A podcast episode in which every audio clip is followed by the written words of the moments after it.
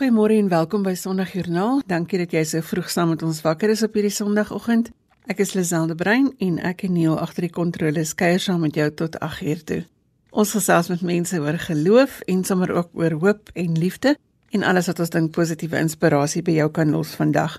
My gaste vanoggend is professor Jurgens Hendriks van die Universiteit Stellenbosch en ons gesels oor kweekskole in Afrika en hoe hulle deur COVID geraak is. Demi Gerard Olivier van Port Elizabeth vertel van die vertaling van die Bybel in Makua en Karen Pendel, 'n onderwyseres van Klerksdorp, deel met ons hoe sy mense in moeilike tye getroos het met 'n eenvoudige uitreik. Pastor Willie Norris van die Gospel Workers Ministries in Heidedal in Bloemfontein sluit ons program af en ons gaan praat oor gebed. 'n Vol program met mense se stories, maar daar is ook plek vir jou storie. Jy kan vir ons SMS by 45889. Dit kos jou R1.50 per SMS en jy kan ook saamgesels op ons Facebookblad by Sondagjoernaal. As jy DStv het, kan jy na ons luister op die audiokanaal 813 en jy kan ons ook kry op die internet by rsg.co.za.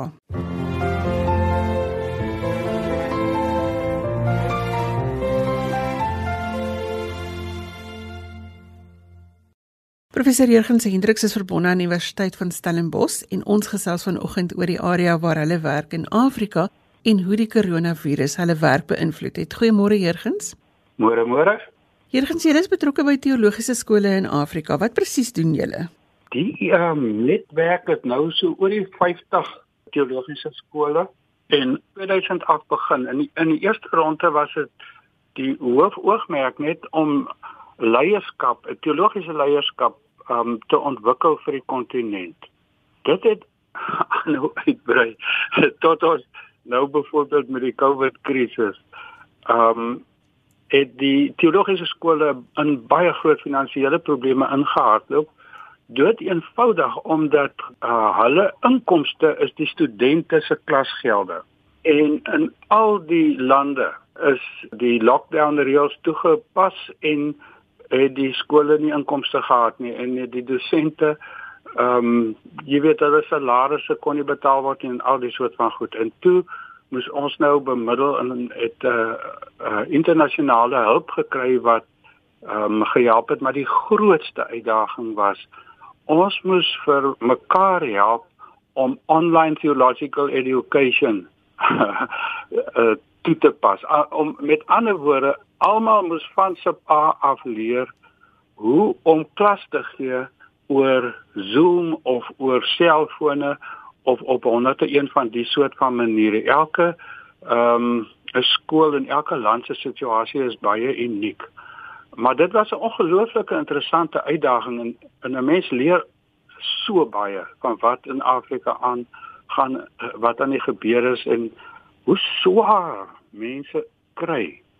Maar ook hoe joh die die volharding met die evangelie dit spreek mense aan. Ek meen mense is net verslaaf hoe doen julle dit? Hoe staan 'n mens nou hierdie mense by? Ja man jy kan nie dit as een antwoord die, die die netwerk wat ontwikkel het 'n klomp afdelings. Een afdeling soos ek gesê het is teologiese opleiding. Ons het ongelooflike hulp internasionale hulp van baie baie vooraanstaande teoloë oor die wêreld wat die Afrika en dan ook Suid-Amerika en die Ooste. Dit is nou wat ons nou in die ontwikkelende wêreld se leierskap help met hulle M nagraadse doktorale studies om gefokus op die problematieke van hulle eie kontekste navorsing te doen. Ek stel hom ons universiteit die fakulteit teologie kon deur eenvoudig al die studente hanteer nie en uh, Tukkies en Bloemfontein en Potchefstroom het begin saamhelp daar's ook oulike universiteite in ehm um, Kenia en in Nigerië, maar ehm um, ons het ongelooflike bevoordiging in terme van navorsing doen in Suid-Afrika en dit het ou dit word baie goed benut. Dan die ander ding wat ons uh, oor tyd elke jaar of wat uh, word um, bepaalde boeke uitgebring. Soos ons het nou 'n boek uitgebring African Public Theology wat uh, omtrent 29 hoofstukke omtrent 25 uh, leiers uit Afrika uh, in al die verskillende velde van die sosiale uh, omgewing korrupsie aanspreek en die ongelooflike swak um leierskap uh, of selfsugtige leierskap waarmee ons worstel in Afrika. Dit is dit is so asof daar 'n kreet uit Afrika kom en sê ja, ons kan nie so aangaan met hierdie korrupsie nie. Hierdie ons weet nog um, uit die ja? Afrika ja? kultuur, hulle is hulle is kontakmense, hulle is storievertellers. Is daar van julle wat nou nog sê byvoorbeeld kan Kenia toe gaan om daar te gaan hulp aanbied of praat ons net van tegniese hulp? Nee nee nee. Um, ons het byvoorbeeld 'n program wat ons noem Lecturer Exchange. En byvoorbeeld Karen Keren Kriege wat nou hier van Stellenbosch is en uh, haar haar sterkpunt is uh, pastoraat en retreats en hoe verwerk jy ongelooflike krisisse as dit oor jou lewe kom. Sy is nou vir 6 weke bo in Kenia by Eldoret. Dis daar waar die maratonatlete so uh groot word, kan jy amper sê.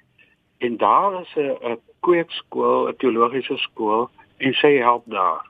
Die oomblik wat lockdown dit toelaat, dan help ons skole met ehm um, dosente of wat hulle ook al nodig het in terme van mense wat hulle kan besoek. Uh, en dan daar spesifiek gaan help uh, Afrika is verseker, is gemeenskapsmense. So uh, fisiese bywees is um, by mekaar wees. Ehm um, is vir hulle belangrik, maar is ook jy weet as ek nou van 'n my agtergrond af kan sê, hoor jy daai mense leer jou ongelooflik baie om net saam met hulle te wees dis baie verrykend. Kan ek vir jou vra, gewone geloofsgemeenskappe, julle is nou as 'n netwerk is julle nou daar, maar gewone mense wat ons luister, wat wat ook sal wil help. Hoe kan geloofsgemeenskappe van waarde wees? Weet jy wat is die eerste stap? Daar's altyd twee tree. Die een tree is um as jy die kerkgeskiedenis kyk, dan groei die kerk en bly die kerk net lewe of 'n invloed uitoefen as hy oor grense gaan nie. As hy oor grense gaan. So wat byvoorbeeld ons fakulteit teologie op Stellenbosch ehm um, net totaal verander het, was die feit van 2000 af aan het ons ongelooflike blootstelling in Afrika begin kry en dit het ons almal verander. En die die klasse wat ons gee en die die goedes waarop fokus ensovoorts. Maar jy moenie net ver tree gee nie. As jy nie kan leer om in jou eie omgewing kan ehm um, oor grense gaan nie. Ons sit baie keer in ons geslote gemeenskappies en die dominees van Oos-Kaap het vir my baie oulike uitdrukking. Hulle sê hulle is 3G gemeentes. Uh, dit gaan om geld, getalle en geboue. En hulle try net om te survive. nou daai kerk is die sekerste resep vir doodgaan.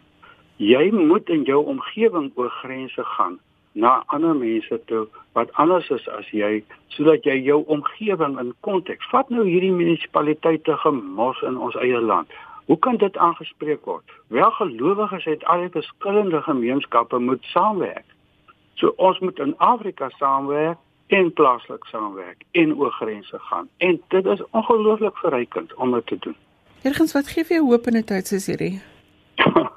Nee net as jy die, as jy die ander wat altyd soort van vreemd of dit op die TV voor jou is of uh van wat jy hoor in koerante en so aan as jy hulle ontmoet as jy hulle leer ken en jy sien dit is mense en jy ontdek yes, dis wonderlike mense.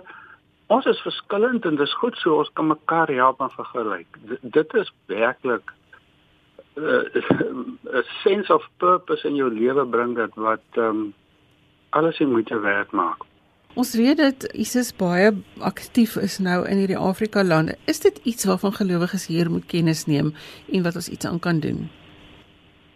O baie baie beslis. Ons het 'n 4 dae werkswinkel in Kenia gehad in Julie uh, 2019 net voor die um lockdown gekom het en dit is as ons het oor 100 mense uit Afrika gehad, ook uit lande wat uh, heeltemal uh, uh, uh, Islam georiënteerd is. En as jy daai stories hoor en as jy nou met navorsing begin besig raak en lees wat aangaan, dan is dit um dis 'n werklike bedreiging. In Afrika is die um dis is 'n nuwe kolonialisasie van Islam en van China wat aan die plaasvind is. En dis waarom jy leierskap moet oplei om om hierdie goeders te kan sien. En dan op 'n tweede ronde te vra goed, hoe as Christene gaan jy 'n oorlog maak en gewere kry en almal begin skiet of hoe moet 'n mens dit hanteer? Dis 'n baie groot uitdaging. Dis 'n soort van goed op ons tafel. En sy gesels professor Jurgens Hendriks, hy is verbonde aan die Universiteit van Stellenbosch en ons het gesels oor hulle werk in Afrika. Jurgens, baie dankie vir die saamgesels vanoggend. Dit was lekker. Dankie. As jy sopas ingeskakel het, sê ons goeiemôre. Die program is Sondagjoernaal en ons praat oor geloof elke Sondagoggend hierdie tyd. Ek hoop ons kan jou inspireer om vandag dankbaar te wees vir dit wat jy het en sommer ook vir dit wat jy nie het nie. Ons vergeet soms van daardie kant van die saak. Laat weet vir ons waarvoor jy dankie sê vanoggend. Die nommer is 45889. Anita Klopper het op Facebook vir ons geskryf uit Perth in Australië. Sy sê goeiemôre Lisel uit 'n pragtige kusdorp Geraldton, noord van Perth in Australië. Dis 'n heerlike sonnige dag en baie Suid-Afrikaners bly hier. So dankbaar vir die radio. Ek luister elke Sondag na Sondagjoernaal. Ek hoop vir sommer baie geleenthede om God se lig te wees in hierdie donker wêreld. Baie groete van ons hier in Pus en sy sê ook groete aan die familie.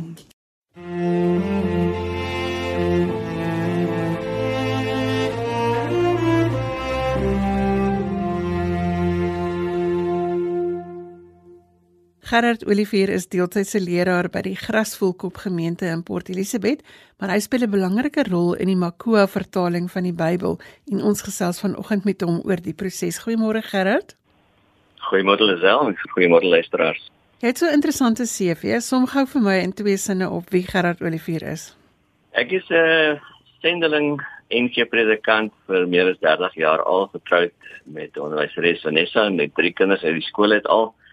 Uh ja, ek weet nie, dis een sin so, kan nog 'n sin seker bysit. Um ek werk die afgelope 23 jaar van die 30 jaar uh as ek betrokke by Noord-Mosambiek en by Bybelvertaling. In Mosambiek is daar nou nogal bedreiging wat betref ISIS en wat daar aan die gang is.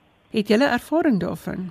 Nie direk nie. Ons is in die uh, binneland Niassa provinsie, ons buurprovinsie Cabo Delgado. Hulle is die die brandpunt basies. Ja, en dit gaan onder andere maar oor die stabilisasie oor 'n gewellige klomp potensiële geld daarso want ons gewellige aardgasbronne daarso ander faktore natuurlik ook. So almal is maar 'n bietjie senuweeagtig ook selfs in in uh um, Niassa provinsie maar dit is nie direk dit raak nie direk ons waar ons is nie. Ek het nou genoem van die Makua vertaling van die Bybel maar wie is die Makuas en hoe het julle nou daar beland? Ja, dis 'n baie interessante lang storie wat ek ook in 'n paar sinne sal probeer uh, opsom. Ons het in die begin van on my bediening in elk geval so in my eerste tweede jaar van ons bediening my bediening het ons begin bid oor om betrokke te raak by wêreldsending. Op daai stadium het die noorde van Mosambiek begin oopgaan en ons het gehoor van 'n ander gemeente hier in Port Elizabeth wat dieselfde soort van las op hulle hart het. En langs storie kort te maak ek en die leraar van daai gemeente het toe nou met 'n klein vliegtuig gaan rondvlieg in 1992 in die noorde van Mosambiek saam met 'n paar ander om te kyk waar ons sending heen kan stuur.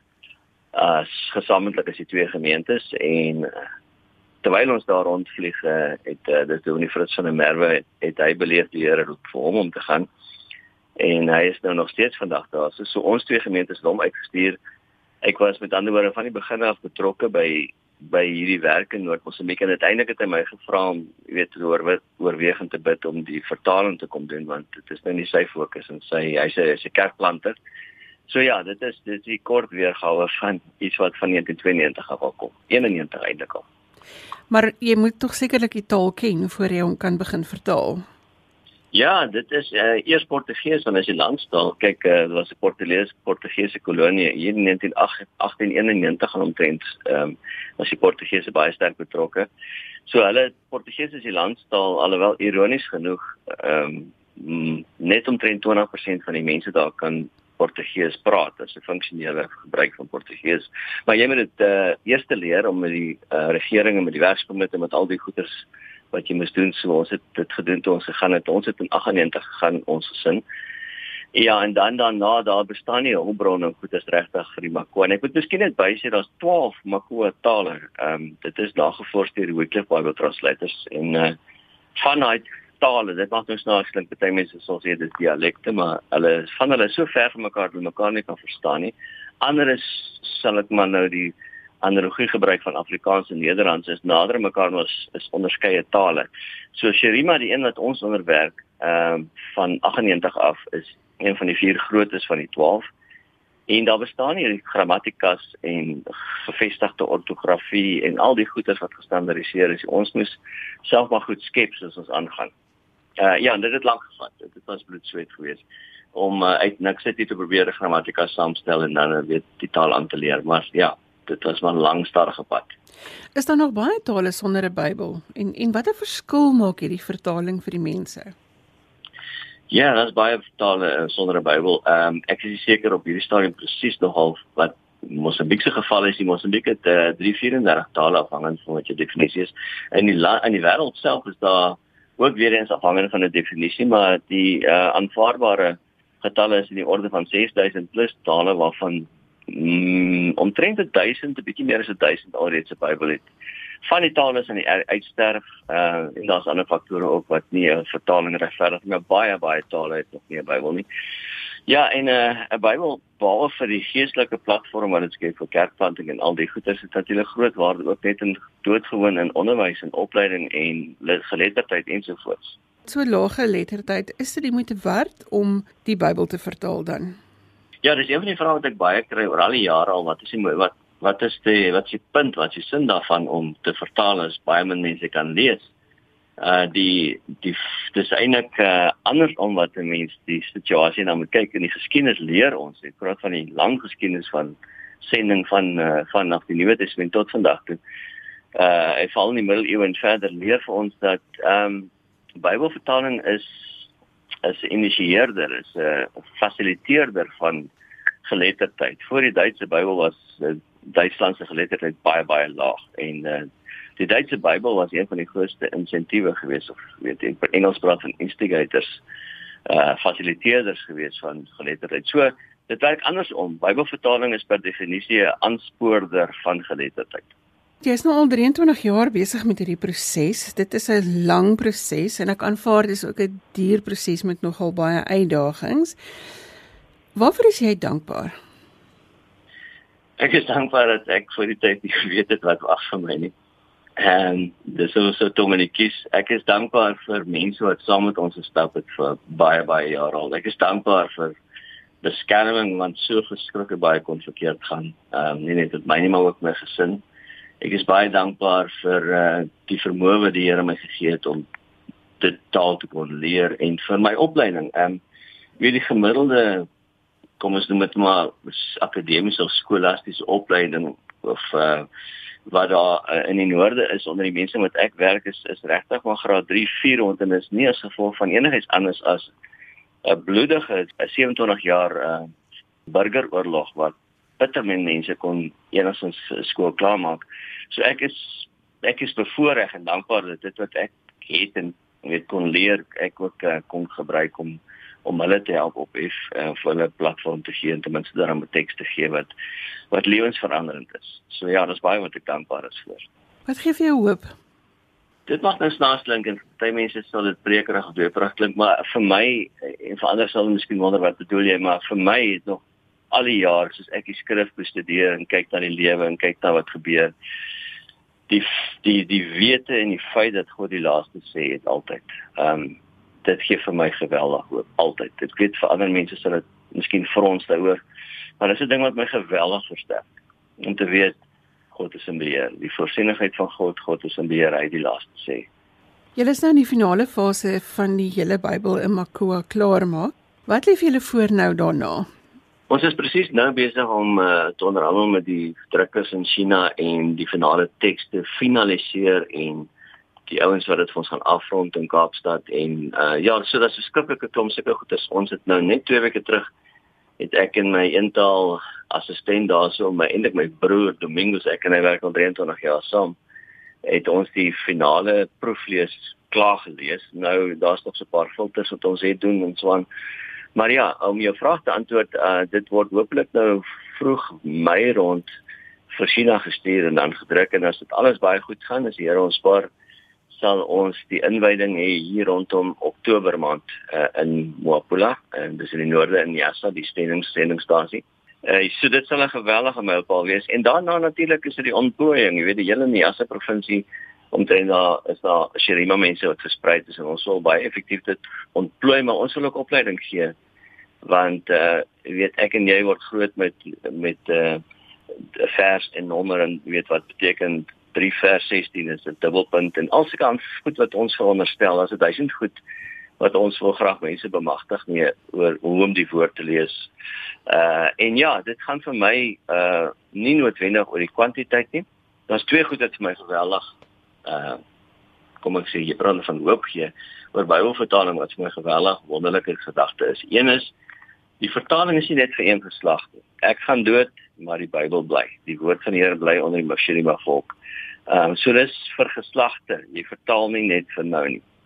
En die tweede ding is die krag van die woord. Jy weet jy het net een Bybel nodig. Hoeveel hoeveel Bybels het jy nodig om 'n land om te keer? As jy mooi daaroor dink, is die Bybel in een billikruim se hand. Ehm um, so ja, dis die goed is wat ons uitsien en om te ontplooi en toe te rus uh, sodat die woord van die Here sy werk kan doen in Noord-Mosambiek.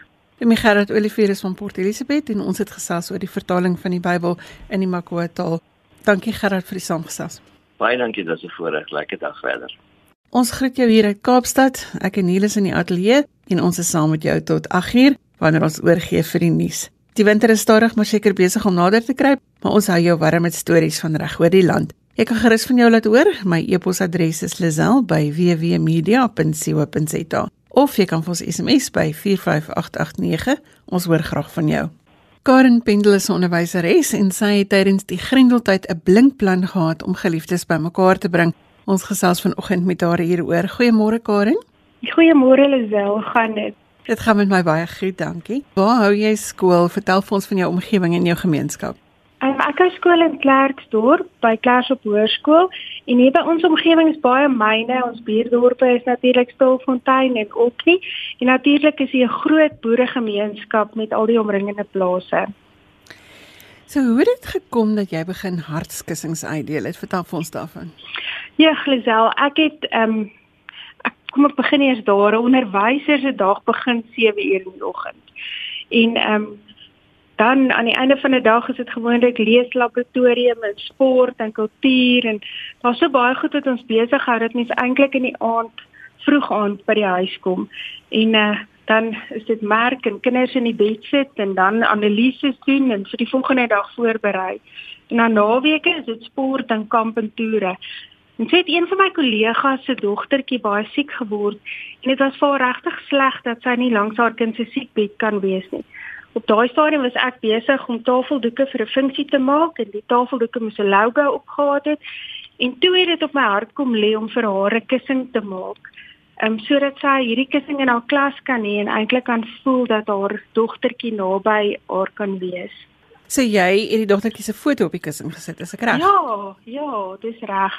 Ek het 'n fotootjie gekry van Facebook af en dit het ek hom mooi vergroot en ek het hom op die kussing laat druk. Ek het later eintlik intedeel vir al my kollegas begin kussings uitdeel want 'n mens kom agter dat mense drama goed saam met hulle waarvan jy nie eintlik weet nie en wanneer hulle geliefde by hulle het dan voel hulle sommer beter.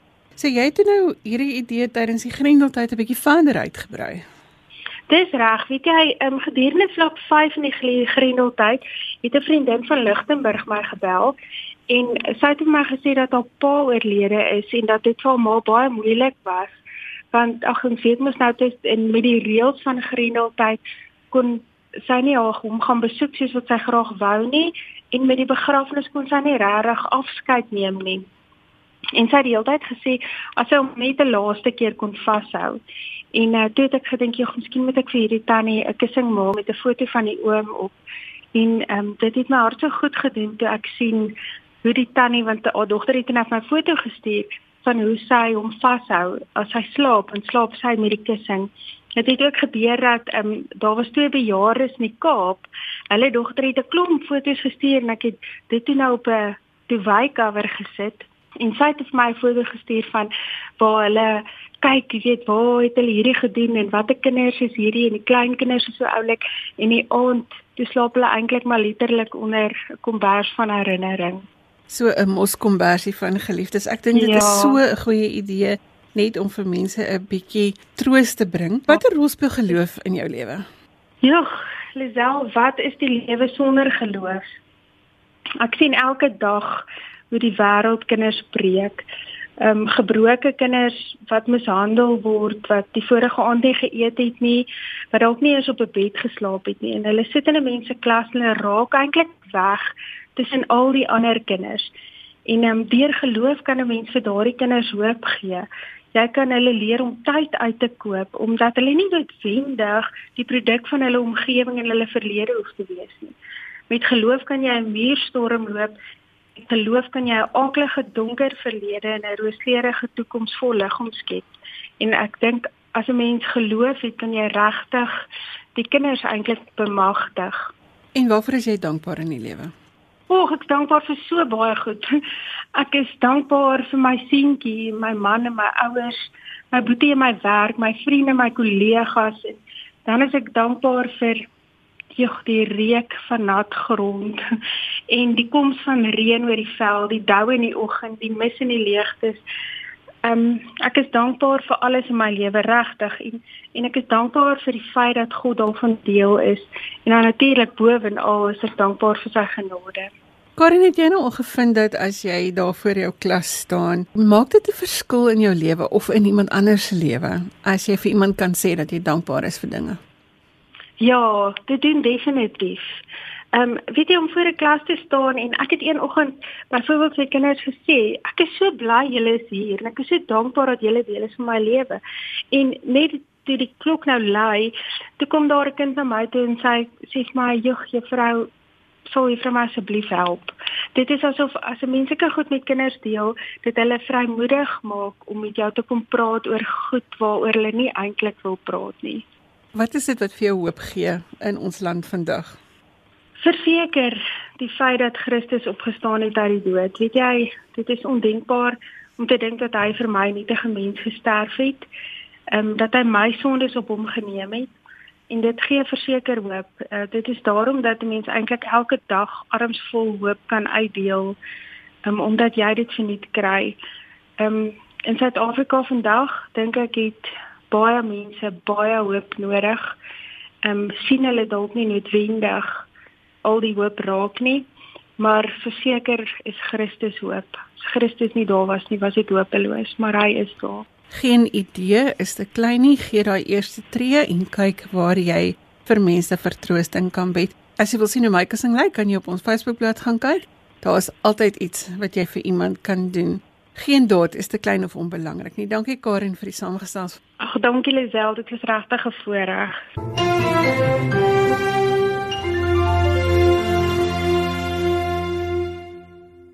Dink nou net hoe groot die vreugde in ons land gaan wees as ek en jy albei vanoggend besluit om iemand te verras met 'n dankie. Sommige 'n blommetjie uit jou tuin uit of 'n telefoonoproep of 'n briefie wat jy met die hand geskryf het of as dit dan moet stuur sommer 'n WhatsApp boodskap of 'n SMS, maar reik 'n bietjie uit na iemand vandag. Pastoor Willie Norris is van die Gospel Workers Ministries in Heidendal in Bloemfontein en ons gesels vanoggend oor hulle werk. Goeiemôre pastoor. Goeiemôre Lisel. Waar is Heidendal en hoe is die gemeenskap saamgestel?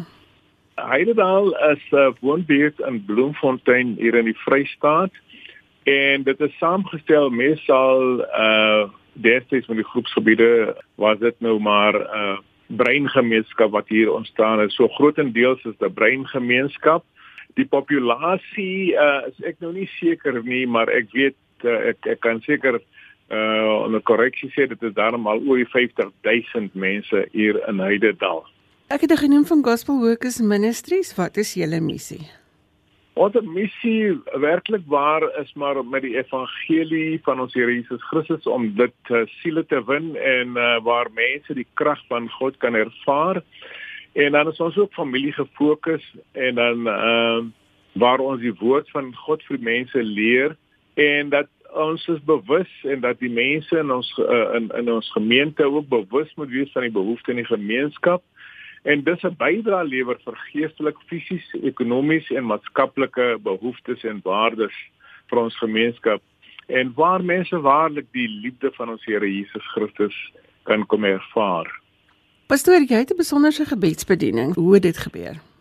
Ja, Lisel, jy weet, uh ek is soos nog maar 'n pastoor, jy weet, en wat gebeur het met hierdie gebedsbediening? Wel, oor jare bid ons maar as 'n gemeente ons uh elke Saterdag sal ons nou bymekaar kom. Dit is nou die volwassenes en die jong mense. Dan kom ons bymekaar in die kerk en dan bid ons nou. En dit het ons so 12 jaar gelede begin deur gefokus uh te wees met ons gebed dat uh aanvanklik het ons begin met uh gebed om 'n voorbereiding te maak vir Sondag se erediens. Jy weet en dan het ons toe gevind uh daardie gebed doen soveel goed dat uh wanneer ons kom by Sondag, jy weet, is amper asof die the stage is set. Jy weet alles is nou reg. Jy weet uh jy skakel baie probleme uit en uh dit dit is altyd alles reg. En uh ek self wat baie rondreis uh in die land wanneer ek gaan die mense is gedurig deur besig om te bid vir my wanneer ek uitgaan. So die gebed het daar begin. En wat wat die gebed betref met die lockdown, jy weet waar daar al iets spesiaal gebeur het. Uh, ek was nie bewus daarvan dat die Here my gaan salf dat ek sal bid vir mense met die virus nie.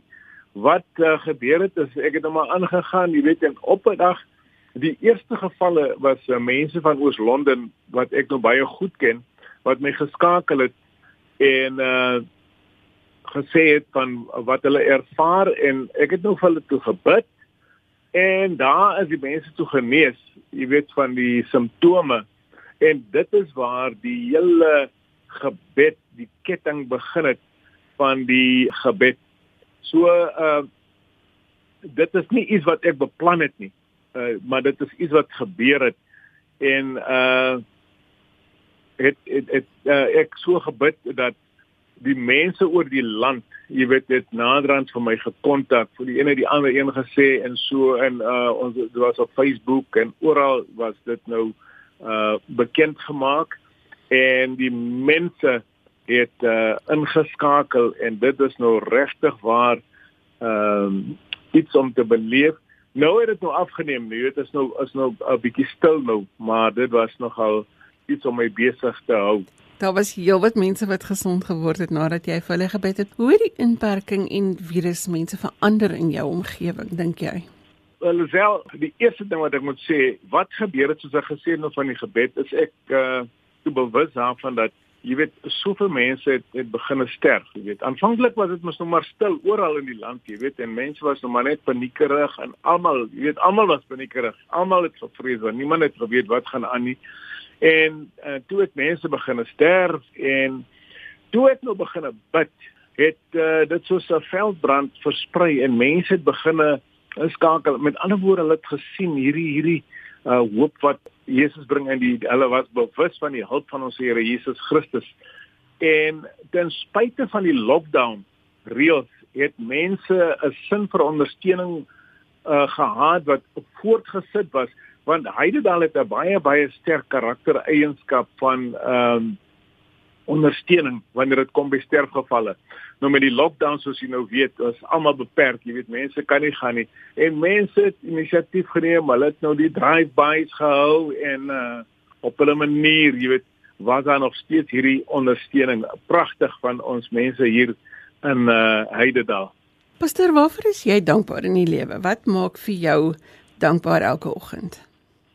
Weet jy Lisel vir alles ek kyk aan die huidige omstandighede as ek nou dink aan dankbaarheid jy weet een van die uh, groot groot uh, dankbare uh, gedagtes wat by my opkom is dat die ons Here Jesus Christus vir Heidedag nou as jy nou aan Heidedag sou kom dan sal jy nou verstaan hoekom ek dit as jy nou maar dink aan uh, wat in die Bybel, jy weet wat uh, gesê het, jy weet kan daar enige iets goed uit Nasaret uitkom. Jy weet Nasaret is so klein tekkie, niemand het uh, kennis gehad of geneem van dit nie. Nou hoe kan die Messias daarvandaan kom? Nou Heidedal, jy weet is soos 'n fontein gewees nou in hierdie uh, lockdown tyd. Jy weet hier uit hier daal uit 'n fontein uitgesprei oor ons land. Ek is so dankbaar vir die Here vir dit dat ek vir honderde mense kan gebid het en hulle hulle wonderwerke ervaar het. Ehm uh, ek het ek kan saam die hartseer en die pyn be uh, beleef en gedeel het met baie wat geliefdes afgestaan het aan die dood En dan is ek so dankbaar vir die Here vir die beskerming van ons dat hy ons bewaar en beskerm het in hierdie tyd en dit nog steeds doen. So ek is ek loop oor van oh Lisel, ek loop oor oor van dankbaarheid. Pastoor, wat is dit wat vir jou hoop gee vir die toekoms? Weet jy, eh uh, Lisel, omdat ek nou pastoor is, jy weet, gaan my fokus nou wees vir hoop eh, 'n uh, geestelike hoop. As ek nou kyk dan uh, kyk ek na die omstandighede waar ons onsself bevind het en dan sien ek ek het uh, jy weet 'n mens dink maar jy ken die Here Jesus of jy ken ons Vader in die hemel of jy ken nou dit of of jy ken vir daardie persoon. Uh maar ek het hier iets ervaar van ons Here Jesus Christus dat uh jy weet dit ek ek was ek weet nie um, uh wat is die regte woord om te gebruik nie maar wat ek ervaar het van die Here Jesus Christus. Onthou nou ek sit in Bloemfontein dan bid ek nou vir mense waar ook al, jy weet van Port Nolloth tot Durban, Kaapstad, George, watter plekke die mense ook al is, het ek die krag van die Here Jesus gesien en dit gee vir my hoop dat die Here Jesus vir my as 'n eenvoudige persoon kan gebruik het om dit te doen. En dit gee vir my die hoop dat as daar meer mense sou kom en hulle kom soek die aangesig van die Here en hulle vra die Here Jesus uh, dat hy hulle moet gebruik dan is daar die hoop daar dat daar soveel mense dan in die land kan wees wat die blye boodskap en die evangelie van ons Here Jesus Christus kan bring aan almal wat uh, in 'n uh, toestand is van siekte of vrees en wat hulle ook al beleef self. Ons weet gebed verander sake. Ek het gesels met pastoor Willie Norris, hy is van die Gospel Workers Ministries in Heidedal in Bloemfontein. Pastoor, baie dankie dat jy bid vir die land en dankie vir die saamgesels vanoggend. Baie baie dankie Lisel en dankie vir die voorreg dat ek saam met julle kan gesels met Radio RSG en net kan gedeel het met ons mense in ons land. Baie baie dankie vir hierdie voorreg. Die Here seën u. Dankie vir almal wat vanoggend saamgesels het. Professor Jurgens Hendriks van Universiteit Stellenbosch, Dominee Gerard Olivier van Port Elizabeth, Karen Pendel van Klerksdorp en pastoor Willie Norris van Bloemfontein. Jy kan Sondagjoernaal kry as 'n potgooi op die webwerf en die adres daar is rsg.co.za. Jy kan vir my 'n e e-pos stuur as jy jou geloostorie met ons wil deel. My e-posadres is lazel@wwmedia.co.za. Jy kan my ook kry op Instagram en op Facebook by Lazel Inspirasie. Tot volgende Sondag van my Lazel de Bruin. Totsiens.